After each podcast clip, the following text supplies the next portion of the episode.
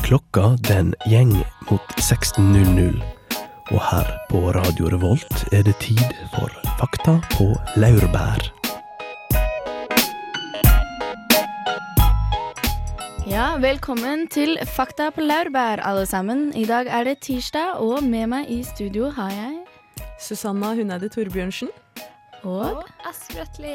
Susanna er i dag vikar for eh, Solveig og Ann-Kristin. Hun skal fylle to kvinners sko. Det stemmer. Kan bli vanskelig.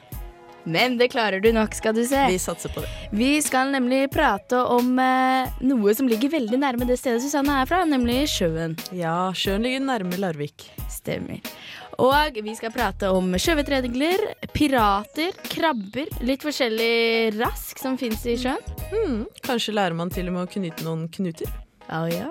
Ja, vi har jo mye kyst, så hvorfor ikke? Da skal vi bevege oss videre. Det aller første som skal skje her i dag, er at du skal få høre på Rum Drum Ramblers med I Feel It Too.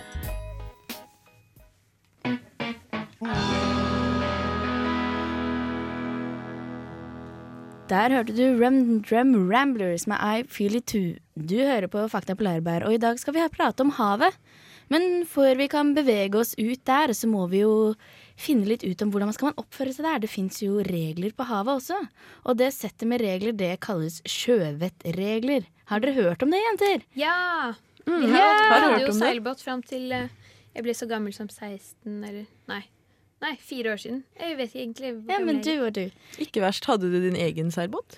Ja, ja, altså Hvert familiemedlem hadde sin egen 32-fots uh, seil... Nei da, vi hadde ikke det. Nei, Vi hadde en på delings. Hadde en på deling. En på deling. Grusomme tilstander i Norge. Ja, for jeg husker Da jeg var eh, mindre, så seilte jeg optimistjolle. Og jeg holdt eh, med én i hver båt. Men fins pessimistjolle? Hvorfor heter det optimistjolle, liksom? Hvis, Kanskje fordi du er optimist når du seiler ut i den, fordi den er så liten. ja, det må være Det det. har vel noe med havet i Norge og sånn å gjøre. Og Ja. det at du da er en liten båt, du må ta hensyn til de store båtene. Eller Mm. er det omvendt? Hvordan var det igjen? Skal vi ta en titt på sjøvettreglene, jenter? Det syns Ja. jeg.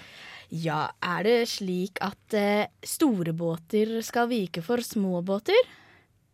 Hva tror dere? Hmm. Nei, jeg tror ikke det. Tenk så vanskelig det skal være å navigere. Men det er vel alltid den høyre-venstre-regelen. Samme hva, er ikke det? Ja, men nå må jo tenke, tenk hvis danskebåten kommer, og så kjører en liten jolle. Skal danskebåten bremse fordi at jolla ikke Da er du veldig optimistisk, i hvert Ja, hvert da er du optimistisk. Jeg hørte at eh, motorbåter i hvert fall har vikeplikt for seilbåter, fordi de er lettere å manøvrere. Ja, jeg Ja. tror det er et hierarki av manøvrering. Men eh, kanskje vi skal prøve å gå litt mer eh, systematisk til verks og rett og slett prate om den første sjøvettregelen. Det er nemlig tenk sikkerhet. Kunnskap og planlegging reduserer risikoen og øker trivselen. Ja. Det er et veldig stikkord her. Trivsel. Jeg føler at det er liksom det du dreier seg om på havet. Mm. Du kan drite litt i regler så lenge du har det koselig. Til og med når det på en måte er lovfestet, står det her. Øker trivselen. Det er lovfestet at man, Man, skal må ha det koselig, ja.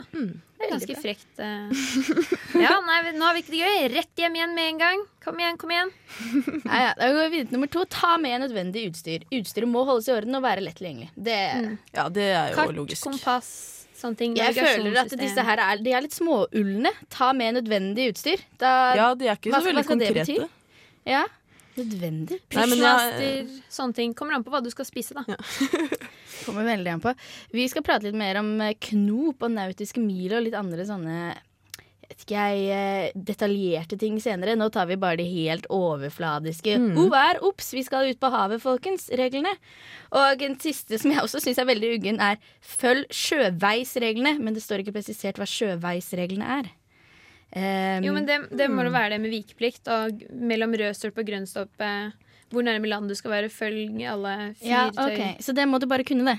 Ja, og så er det jo som regel litt er skilter. Eksempel fem knop i havner og den type ting. Ja, ja.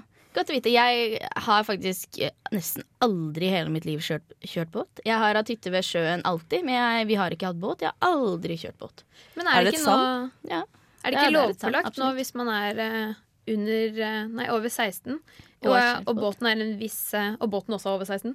Og over en viss eh, Jeg vet ikke. Om en Over en viss, viss størrelse. Så. ja, over en viss mm. fot, liksom, så må man ha båtsertifikat. Mm. Det må man. Og altså, jeg må innrømme at jeg ikke helt husker hvor mange knop det er. Nei, knop, jeg hestekrefter. Jeg tror du kan ha ti hestekrefter på mm. motoren. Ja, nei, jeg tror det er over ti. Så 9,9, det går greit. Men ti? Nei, nei, da fullstendig panikk. Rotete. Ja, vi skal komme tilbake til hestekrefter. Ja, for det er jo litt eh, senere. forvirrende. For det er veldig spennende, og det er også en sånn ganske ullen størrelse, litt konstruert. Det er ikke en SI-enhet, for å si det sånn. Nei, Men det burde hett sjøhestkrefter, egentlig. liksom Ut fra sånn hestkrefter, sjøhestkrefter Sjøhestkrefter gir veldig dårlig eh, Ja, assosiasjoner. Ja. Ettersom sjøhesten er det treigeste dyret i verden. Veldig sånn. Nå skal vi høre på noe som ikke er treig. Vi skal høre på Action Bronson. Han høres ut som en med mye action, og låta heter Barry Horowitz. 231 pounds, Barry Horowitz. Yeah, the chocolatier. Barry Horowitz always likes to pat himself on the back.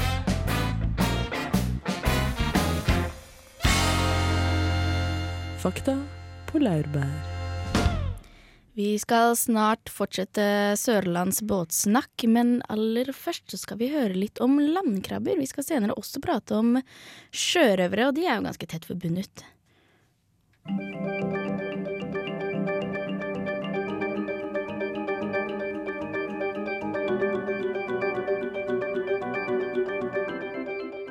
Når jeg sier landkrabber, tenker du kanskje på udugelige pirater som aller helst bør finne seg en karriere på land i stedet for på de syv hav.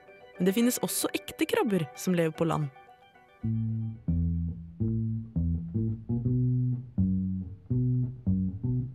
En art, Gekarkoida natalis, er spesielt kjent pga. sine store massevandringer. Disse krabbene fins bare på noen få øyer rundt Indiahavet, og hvert år rundt regntiden reiser flere millioner krabber fra hulene sine til havet for å gyte. Og selv om disse krabbene lever hele sitt voksne liv på land, slippes eggene ut i vannet, der de straks klekker og starter larvestadiet.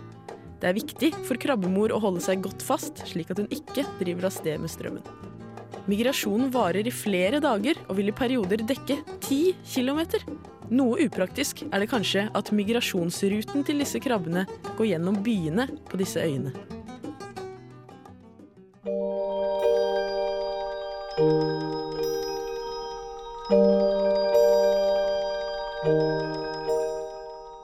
Disse krabbene virker kanskje truende pga. sin enorme mengde, men en annen landkrabbe som kan virke skremmende på alle og enhver, er robber crab, også kjent under navnet kokoskrabbe. Denne krabben er landjordas største invertebrat. Det kan ha et beinspenn på én meter og veie opptil fire kilo. Og den har ikke fått tilnavnet sitt kokoskrabbe ved en tilfeldighet. Den kan nemlig klatre i trær for å plukke seg kokosnøtter. Med digre klør driller den seg inn i kokosnøtten, et arbeid som kan ta flere timer, men som ender i et proteinrikt festmåltid.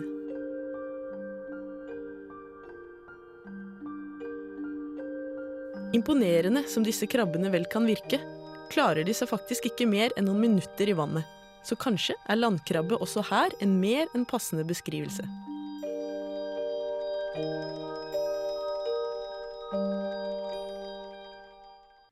Gud bedre så skummelt dette var, Susanne. Ja, Det ble nesten skremt. Og så syns jeg denne rubber crabben var litt av noe Ja, litt for seg sjæl. ja, den er veldig fascinerende. Som jeg nevnte, så er det den største invertebraten på landjorda. Blir eh, en meter i beinspenn og kan klatre i trær. Så Helt vilt. Og så må jo jeg si at jeg syns noe av det morsomste med denne rubber crab var jo det at den heter rubber crab, og så kan vi dra tråden tilbake til langkrabbe, og så kan vi dra den tilbake til sjørøver, og så er det en krabbe som robber folk. Altså ikke langkrabbe, men sjørøver. Ok, Og vi ler på innpust? Jeg blir kjempegira. Veldig bra. Men vi tenkte på disse her langkrabbene da, som er ja, Pelle og Pysa, for eksempel. Hvorfor, hvorfor er de så redde? Hva er greia? Er det fordi de er Altså, kan de ikke nok om havet? Er de redd for det Kanskje de ikke kan eh, nok om havet, rett og slett. Altså, det er jo Vel, hvem kan vel egentlig nok om havet? Det er jo bare 1% av havbunnen som er utforska, blant Det er sant. Det Det er er veldig spennende. Men har dere ikke sett Kaptein Sabeltann-stykket? Altså, det sjømonsteret som kommer opp. Jeg var redd for å bade kanskje tre år fram etterpå. Jeg. Ja, det er sant. Og enda er jeg litt sånn Hva heter det igjen? Jeg husker ikke. Grusomme Gabriel er det. Gabriel. Gabriel. Og det er det samme med haier også. Jeg er enormt haiskrekk. Jeg merker innimellom bare jeg er på papirbadet, så tenker jeg Fordi i James Bond så er det sånn film hvor de åpner slusene, så kommer haien ut. Og selv om det er basseng, så tenker jeg innimellom sjekk to ganger. Ja. Ta alltid med meg dykkerbriller. Godt det poeng. kan være noen Ja. Men det kan jo også være mer generelle ting som man ikke vet om havet. Eksempel, hva er en nautisk mil? Ja, kanskje Ja. folk er redd for at Oi, nå nærmer det seg noen i en nautisk mil. Oi, må jeg løpe, eller må jeg stå stille? Og kanskje det er det som skremmer litt folk, da. Men Susanna, du vet jo hva en nautisk mil er. Kan ikke du fortelle oss? Ja, jeg har undersøkt litt, og jeg har funnet ut at en nautisk mil er 1852 meter. Skriv det ned, folkens. Og i forbindelse med det så kan man jo også nevne at knop er eh, på en måte havets kilometer i time. Det er nemlig hav en nautisk mil per time. Da, jeg skjønner ikke helt eh, hvorfor eh, de tenkte at de skulle bevege seg annerledes. Eller de beveger seg jo ikke annerledes, de beveger seg likt, men hvorfor skulle de regne på det annerledes på havet enn på land? Det er nesten sånn som Amerika og eh, Men Europa? hadde de, ikke, hadde de ikke hav før de hadde bil? Jo, jeg, Jo, altså, Jeg tror jeg ikke de gikk med Veldig godt og bare poeng. Å, shit, nå rir jeg i 419 i timen. Men, men eh, jeg har lest, faktisk lest om den historiske årsaken til Ja. at uh, det heter det. Og det er at man tidligere benytta en line som var knoper, altså med knuter, til å måle farta. Så hvor langt lina kunne hadde, de, drapp, de droppa lina, og så yeah. sjekka de hvor fort Hvor mange knuter har vi kjørt på vet ikke, siden fra det der timeglasset går rundt. Da. Et eller annet. Det er derfor det heter det, i hvert fall. Så spennende Det og er så spennende. interessant. Jeg skulle ønske jeg hadde ferdes mer på havet, merker jeg. Se på denne verden som åpner seg opp. Ja. Det er jo veldig stor andel av eh, jorda. For eksempel Adenbukta, som vi skal prate om senere, er Ja. jo bare den bukta der er like stor som hele Europas kontinent. Det er jo helt vilt. Mest Ganske spennende sprøtt. bukta, ville jeg sagt. Altså. Den mest spennende bukta. Der er det mye, mye rart som skjer. Eh, når vi kommer tilbake etter at dere har fått hørt på DJ Mati, så skal dere høre litt om knuter. Jeg har nemlig prøvd å knyte båten min fast en palme. Dere skal få høre hvordan det gikk.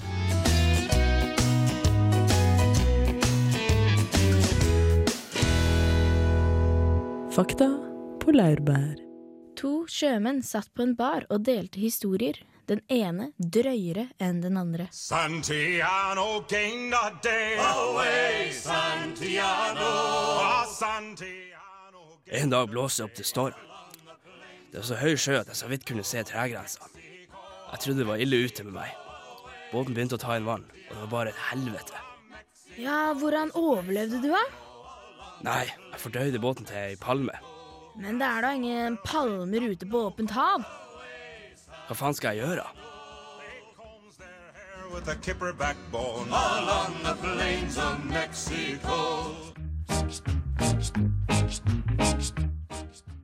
Ja, hva skal en gjøre? For å tøye fast en båt tenker jeg at det må være lurt å bruke båtmannsknop. Det ligger liksom litt i navnet. Du er båtmann og trenger en knute. Så ta fram tauet ditt, så tar jeg fram mitt, og så kan vi begynne å følge instruksjoner. En. Legg tauet rundt det du har lyst til å feste båten din til. I dette tilfellet en palme. To. Slå et kryss. Tre. Lag en liten løkke ved å legge venstre kortende langs den høyre enden, og ta den høyre kortenden og stikke opp i løkken. Vent litt. Hei, hei. Er du like forvirra som meg? To kortender? Noen har glemt å informere om at man trenger to tau. Ute på sjøen i krisesituasjoner er det vel sjelden at du møter på fortøyningsmuligheter med tau allerede knytta til det. Det var det i alle fall ikke i den omtalte palmesituasjonen. Og med denne knuta får man da vitterlig fire løse ender, og hva i all verden skal man gjøre med de? Vel, konklusjonen her får være at denne knuta er fin når det kommer til skjøting av tau. Dere skal få den siste instruksjonen til tross. Fire! Stram til. Så jeg tenkte jeg skulle fortelle om en knute jeg liker veldig godt, og som jeg helt uten båtkunnskaper kan se for meg passer i den aktuelle situasjonen. Åttetallsknuta. En, Legg tauet rundt palmen. to, Snurr løkken rundt 360 grader, slik at du får en krøll på tauen. Nei, fader. I all verden. Det går jo ikke det heller. Vi prøver med en ny knute. Pålestikk. Nå kommer en sikker vinner. Tunga rett i munnen.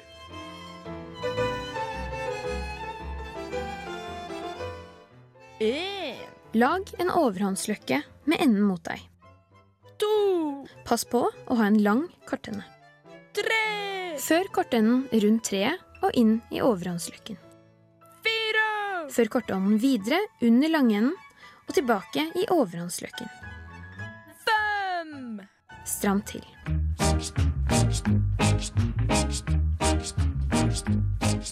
Se, det skal han gjøre. Så det er sånn man skal gjøre det. Altså, Ja. Pålestikk er det man skal bruke når man fortøyer båt.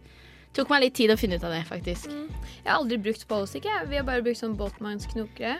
Ja, men Det var jo det som var så himla vanskelig i min simulerte forsøk med denne palma. Men det er jo kanskje fordi at du kan ikke tre denne greia over et tre. Oi, Mm. dere skjønte det? Mm. Ja, så dypt. Ja, fordi at du, da, må det være, da må det være to små ah, oppstikkere, da, eller eh, noe sånt noe. Altså en liten uh, hestesko som står opp av brygga, er det jeg liker å se for meg når jeg Ja, tenker ja. på salt, uh, Saltkråkene og sånn, som er mine båtreferanser. Men egentlig det beste er hvis man har en sånn klippe eller sånn, så kan man kile fast en sånn eh, liten dregglignende greie. Og jeg husker pappa skulle liksom være mann og feste seilbåten drithardt, sånn mosen så hardt at vi måtte bare dra fra hele greia. Den sto fast i fjellet. Måtte bare Ja, greit. Måtte dere dra fra seilbåten? Nei, nei da. Nei. Vi måtte dra fra den dreggen som vi hadde ja, sånn sett, ja. ja det, Eller den festeren. det var ikke like kjipt. Men det var helt sikkert kjipt. Hvor mye koster en sånn dregga? Sikkert 2000 Nei, kroner. ja, om 9000 Nei da. Det heter ikke egentlig dregg heller, tror jeg, men uh, noe lignende. Men eh, nei, jeg vet ikke. Det koster vel sånn 200 kroner eller sånn. Vet ikke. Lagd av stål. Okay, lagd av stål, ja. Men likevel, han fikk jo vist at han var mann, da. Det er jo Ja, det er jo det menn liker å gjøre, har jeg hørt. Ja, det er det. Jeg hadde også en litt uheldig episode med fortøyning av båten en gang. Eller eh, den holdt i hvert fall ikke mål, for da elva slapp Vi hadde båten vår i en elv. Så slapp de elva, og da For det var en demning. Ja, okay. En demning der oppe, så det ja, slapp elva. Så det kom veldig veldig mye vann i en stor bølge på en gang, og da forsvant båten. Oi! Men Ut hva, på de hadde dere redningsvest? Nei, vi var ikke i båten, oh, ja. heldigvis. Okay, Vi hadde fortøyd den bare. Ja, det var det som skjedde. Altså, vi hadde jo, jeg sa jo i stad at vi hadde hytte, på, hytte ved sjøen, og vi hadde jo en båtgang, men den ble knust av stormen, dessverre. Og så er det ingen som har ork til å gjøre mer. Vi er litt slappe i vår familie, må jeg innrømme. Ja. Vi bygger heller på terrassen vi og soler oss enn å kjøpe båt. Men det er jo greit nok, det, da. Da slipper du de der klysefaen med sånn tvinna genser rundt og med champagne som vinker fra yachten. Vi sitter og spiser frokost, og de bare Liksom. Ja, grusomt. Det er verst. Ja, egentlig. det er noe med at de drikker champagne på båten. Fordi en av sjøvettreglene er jo at du skal være uthvilt og edru, og promillegrensen på båt er 0,8. Så det må de passe seg for. Og en ting jeg tenker når vi er inne på knutedelen, så er det jo litt vanskelig å knyte knuter når du har 0, over 0,8 promille. Ja, det er jo Ja. vanskelig i utgangspunktet. Mm. Ja, jeg fikk det jo ikke til. Jeg prøvde jo selvfølgelig med ledende, altså kabler da, inne på uh, vårt produksjonsrom, og det var ikke like lett. Men det er vel derfor de speiderfolka nesten aldri er drita. Jeg Tror aldri jeg har sett en speider som bare juhu! Nei, det er helt sant. Liksom. Jeg, husker jeg var i speideren og tenkte jeg, ok, dette her er litt sånn kristensamfunn. Ok, vi leser bøker om eh, hestejenter og sånn. Ok, jeg får passe litt på det. Så skulle vi dekorere en sånn pute. Så tenkte jeg, ja, hva passer på bedre enn et kors? Så jeg la tegne Ja. så stort kors på puta mi. Alle andre tegna litt sånn artige ting. Men Men eh, hvis man har problemer med knuter ute på sjøen, så kan man jo få hjelp av sjø, sjøspeideren. ja, for det det, fins. Ja, ja, ja, herlig. De kan sikkert veldig veldig mange knuter, ser jeg for meg. Men hva gjør de når det er kaldt, liksom? De er ute på den store båten, eller hva slags, hva slags typer equipment er det de bruker som framkomstmiddel? Eh, Jeg ser for meg, jeg ser for meg kano, men jeg har ingen, ingen bakgrunnskunnskap Ingen for å, for å støtte opp under det. Ja, kan, vi, kan, vi, kan jeg huske å ha sett hatt kakkspetten ute i båt? Eh, da må det kanskje ha vært et bjørneskinn? Nei, jeg aner ikke. Et bjørneskinn. Ja. Som de har brukt til å Det er veldig Er det ikke det båt, eskimoene lager båter av? Nei, nei, karibou. Kariboskinn. Ah, Er det sant at de huler ut trestammer? altså sånn Hiawata. Husker du ikke Hiawata gjorde det? Ja, jeg, bare, ja. jeg er nesten 100% sikker på at det er sant. Absolutt ja, men sant. Det er så rart. Jeg bare tror ikke sånn, det er en myte. Jeg har ikke noe å sitte på. Jeg har veldig lyst til å krysse denne elva. Jeg bare hugger ned hele skogen. Så kan jeg lage båt isteden. Det er jo en Ja, men de trenger jo bare én båt. Ja, de trenger bare én båt. Det kommer an på da, hvor mange jeg ser er du for har meg lyst at til å det går egentlig veldig fint, for det fins veldig mye lett trevirke. Ja, det flyter. Nå skal vi snart videre. Vi skal høre på Sidrussyre med lomma full, og etter det så er det tid for vår ukentlige fleip eller fakta-spalte.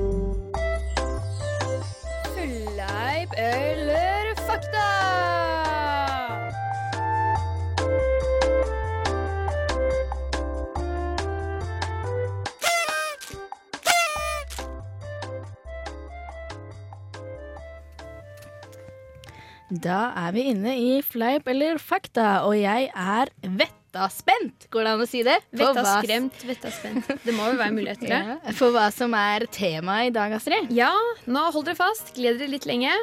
Hurtigruta. Er det noen som har tatt den? Nei, men jeg, Jeg har hørt at det er Norges stolthet. Den er veldig bra. Absolutt veldig fint. Jeg likte meg veldig godt utenom de feite tyskerne som eh, knuffer. De Ja, knuffer de finner du overalt i Norge hvis vi skal være der i høysesong. Norge i høysesong, håpløst. Ja, det er vel sånn. Nei, så da er altså dagens tema Hurtigruta. Det, det norskeste av det norske. Så da begynner vi med første. Er det sant at Norge er det eneste landet i verden som har hurtigrutevirksomhet? Det ble veldig sånn, ok, dette er litt sånn definisjonsspørsmål, fordi altså, jeg, er på, jeg er ganske sikker på at vi er det eneste landet som har noe som heter Hurtigruta. Hurtigruta, ja. Men det kan jo godt hende at de har en båt som går sånn passe fort langs kysten.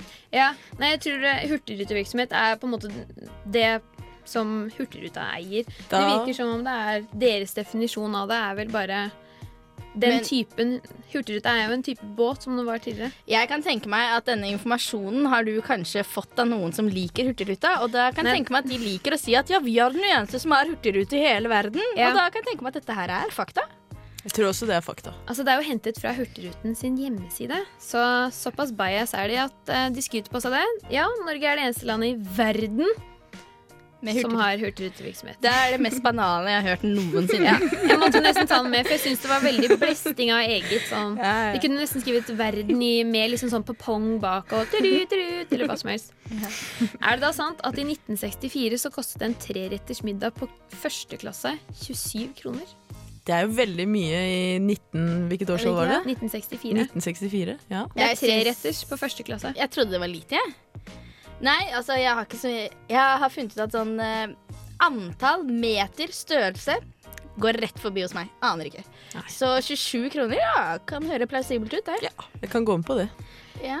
Vet dere hva? Sjokkerende nok. 11 kroner kosta det. 11 kroner. 11 kroner.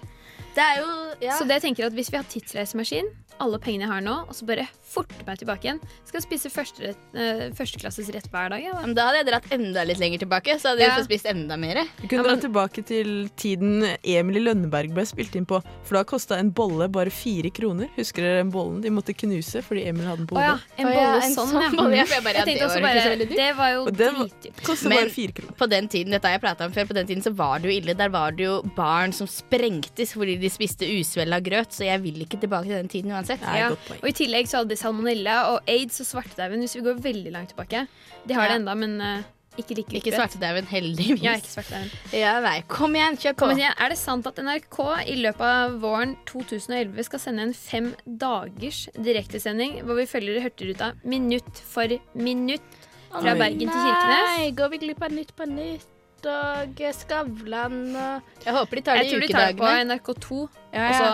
alt de Går vi glippe Urix og Å nei. Nei. Det er veldig mye bra dokumentarer på. Nei, Bergen-Oslo-togturen var én ting, men fem dager med Hurtigruta, det blir for mye. Jeg tror det er fleip. Ja, de kan ikke se det fem dager døgnkontinuerlig. Altså, Det er greit at de har NRK2, men det skal jo da være litt substans der også. Ja. Altså sånn, Jeg, jeg nøt turen, men øh, jeg har ikke giddet å sett bildene engang. Så jeg tenker, da gruer jeg meg litt til NRK2 vil sende denne minutt for minutt fem dagers direktesending. For, det skal er de gjøre. det. sant. Oi! Oi, oi, oi, er- går det dårlig med budsjettet nå for tiden, eller? Er det det? Men den bruker egentlig elleve døgn fra Bergen, Kirkenes, Kirkenes, ja, så Bergen. vi får bare Så høydepunkta. Du får bare egentlig så får du bare den ene veien. Ikke sant? Det kunne Ah. vært noe annet skjedde på veien. Takk og pris. NRK må skjerpe seg. De sender, har ikke like god kvalitet som vi har her på Radio Revolt. Nei, det er sant. Musikken for eksempel, er noe for seg selv. Her skal dere få Team Me med Dear Sister.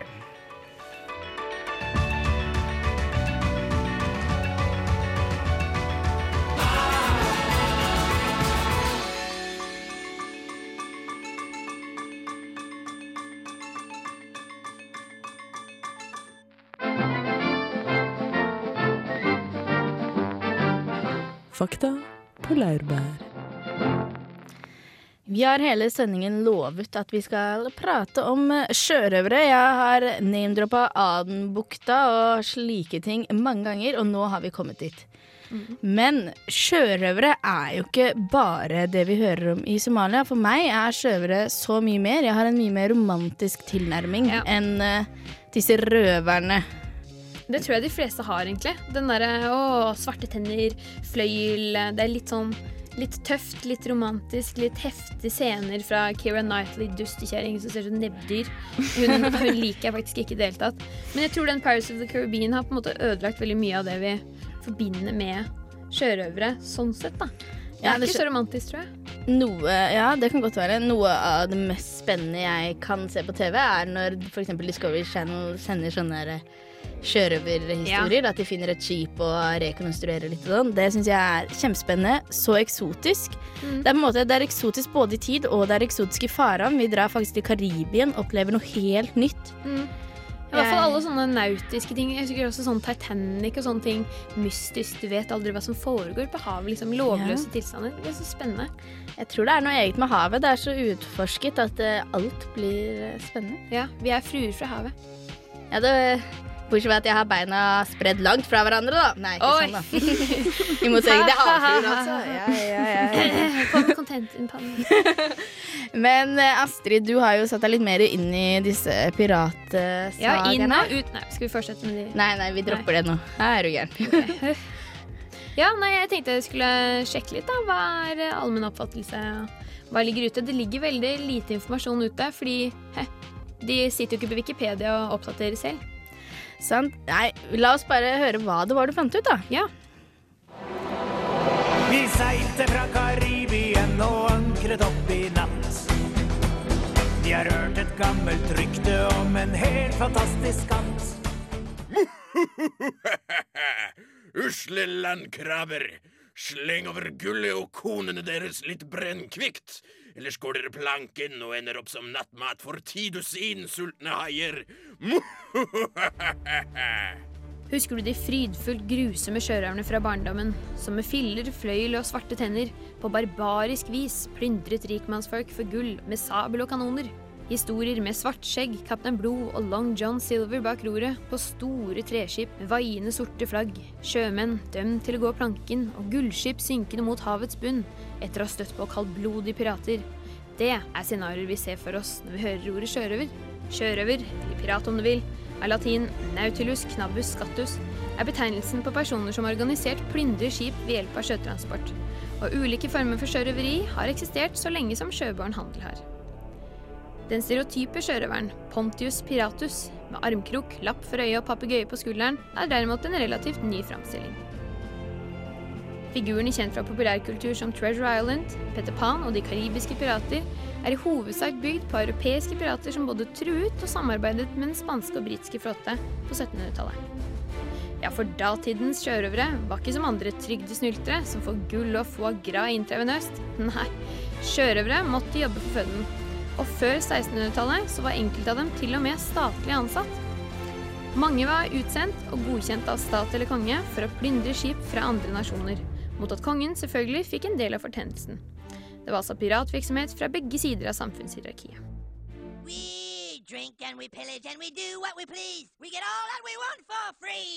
We'll kick your ass and rape your lass. Somalian pirates we. Illusjonen om fløyelskledde sjørøvere som sitter på død manns kiste i Det karibiske hav og teller gullpenger med lapp for øyet mens han drikker seg dritings på rom, er kanskje ikke en helt presis fremstilling av dagens pirater. Dagens pirater lever nemlig et liv ikke fullt så eventyrlig som litteraturens glansbildefremstilling. Og vår tids piratvirksomhet foregår på det meste i farvannet mellom Stillehavet og Indiehavet. Afrikas Horn er spesielt kjent for å være blant de farligste havområdene i verden. Annet har piratvirksomhet ved Somalias kyst vært en trussel mot internasjonal skipsfart siden starten på den somalske borgerkrigen tidlig på 1990-tallet. Mellom 1993 og 2003 opplevde man en tredobling av pirater, og forekomsten av sjørøveri er nå så stor at den vestlige verden og Natos marinkapasitet ikke klarer å bekjempe problemet. De somalske piratene omtales i tillegg som verdens minst hensynsfulle og mest kaldblodige kriminelle i verden. Homes and we left our mothers to go on a pillaging spree.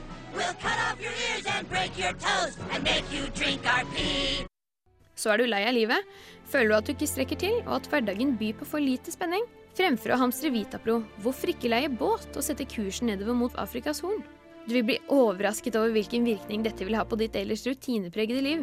Og hvem vet, kanskje finner du en gullskatt og en heit sabeltann på din søken etter spenning i hverdagen.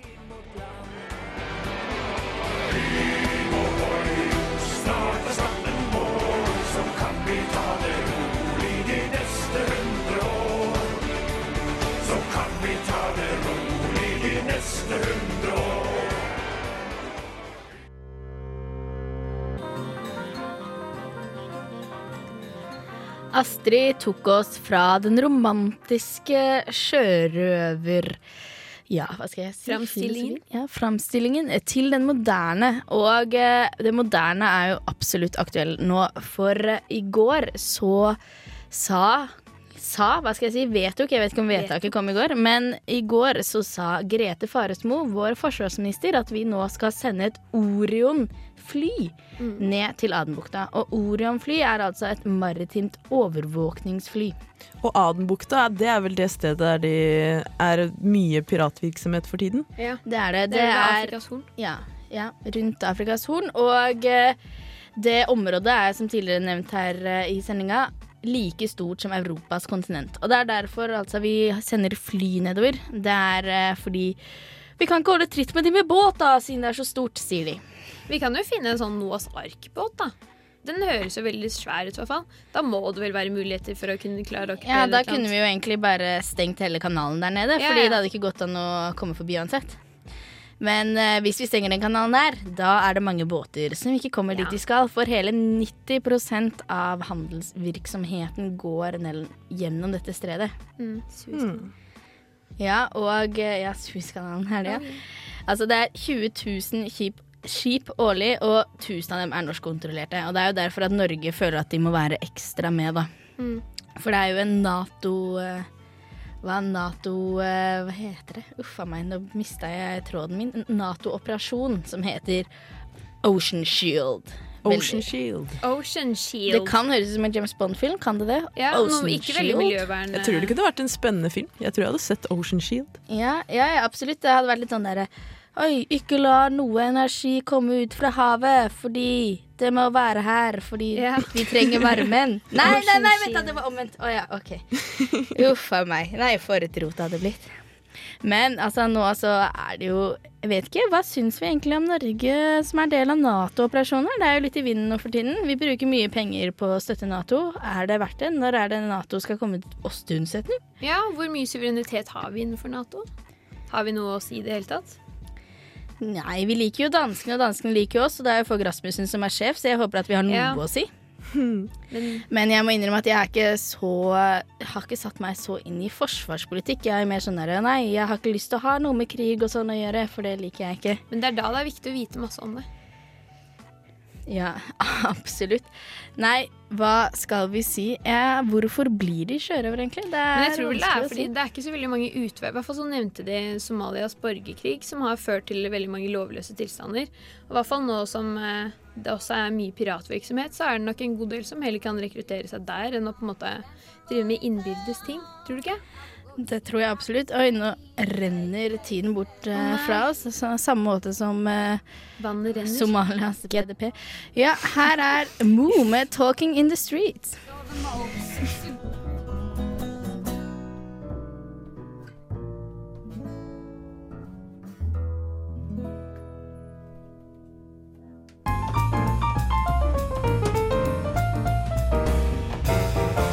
Fakta på laurbær. Da er sendingen slutt for i dag. Retten og sletten. Eh, vi må bare takke for oss. Vi har hatt det kjempegøy. Vi prata her om eh, båter og knuter og sjøvete og sjørøvere. Ja, Så nå skal vi på seiltur til Somalia, dere. Det blir én uke fri. Det er påskeferie. Helt perfekto. Ja, det var jo litt i anledning vår og sommer vi hadde denne sendingen her. Nei. Ja, men eh, før lytterne drar ut på seiltur, som vi jo håper de gjør, så kan de jo høre litt grann på, på tirsdag, som kommer etter oss nå. Stemmer Ja, det. Susanna skal rett videre til på tirsdag.